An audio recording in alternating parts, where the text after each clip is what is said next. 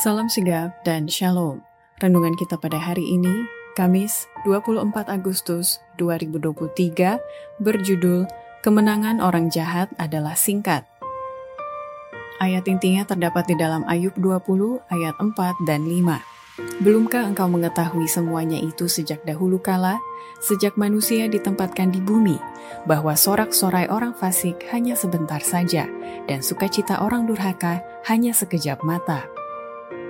Penda Inspirasi menuliskan yang dimaksud dengan judul renungan kita pagi ini, kemenangan orang jahat adalah singkat, adalah sebuah panggilan kehidupan yang praktis agar kita senantiasa menunjukkan kesenangan dan kesenangan-kesenangan sebagai faktor yang menunjang kebahagiaan sejati dan sarana untuk memulihkan hubungan kita secara vertikal kepada Tuhan dan horizontal dengan sesama sebagai berikut. Pertama, alasan kemenangan orang jahat itu singkat karena masa atau proses pemurnian dan penampian akan segera berakhir dan Tuhan akan datang segera. Tuhan akan segera datang. Harus terjadi suatu proses pemurnian dan penampian di setiap jemaat, karena di antara kita ada orang-orang jahat yang tidak menyukai kebenaran atau menghormati Allah.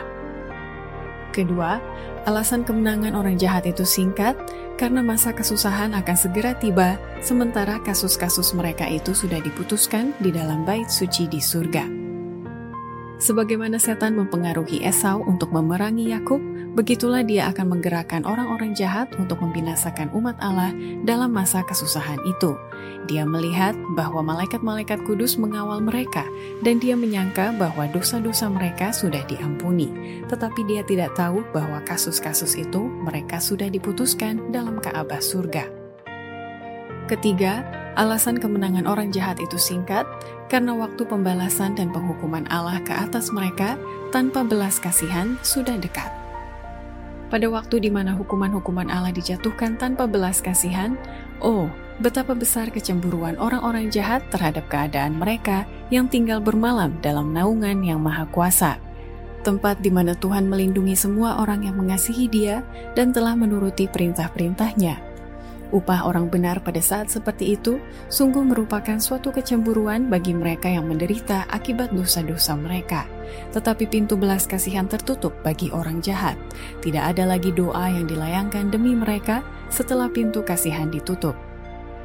Keempat, alasan kemenangan orang jahat itu singkat karena masa pencobaan mereka telah lewat dan roh Allah sudah diangkat atau ditarik dari atas bumi roh jahat telah melewati batas percobaan mereka. Roh Allah yang terus-menerus ditolak akhirnya sudah ditarik.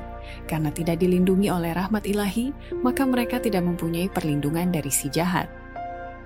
Kelima, alasan kemenangan orang jahat itu singkat karena jarak kedatangan Yesus menjemput umatnya untuk dibawa ke kota Allah sangat singkat waktunya. Pada kedatangan Kristus, orang jahat dimusnahkan dari muka bumi ini, dilahap oleh nafas mulutnya, dan dibinasakan oleh cahaya kemuliaannya. Kristus membawa umatnya ke kota Allah, dan bumi dikosongkan dari penduduknya. Demikianlah renungan kita pada hari ini. Kiranya Tuhan memberkati kita semua.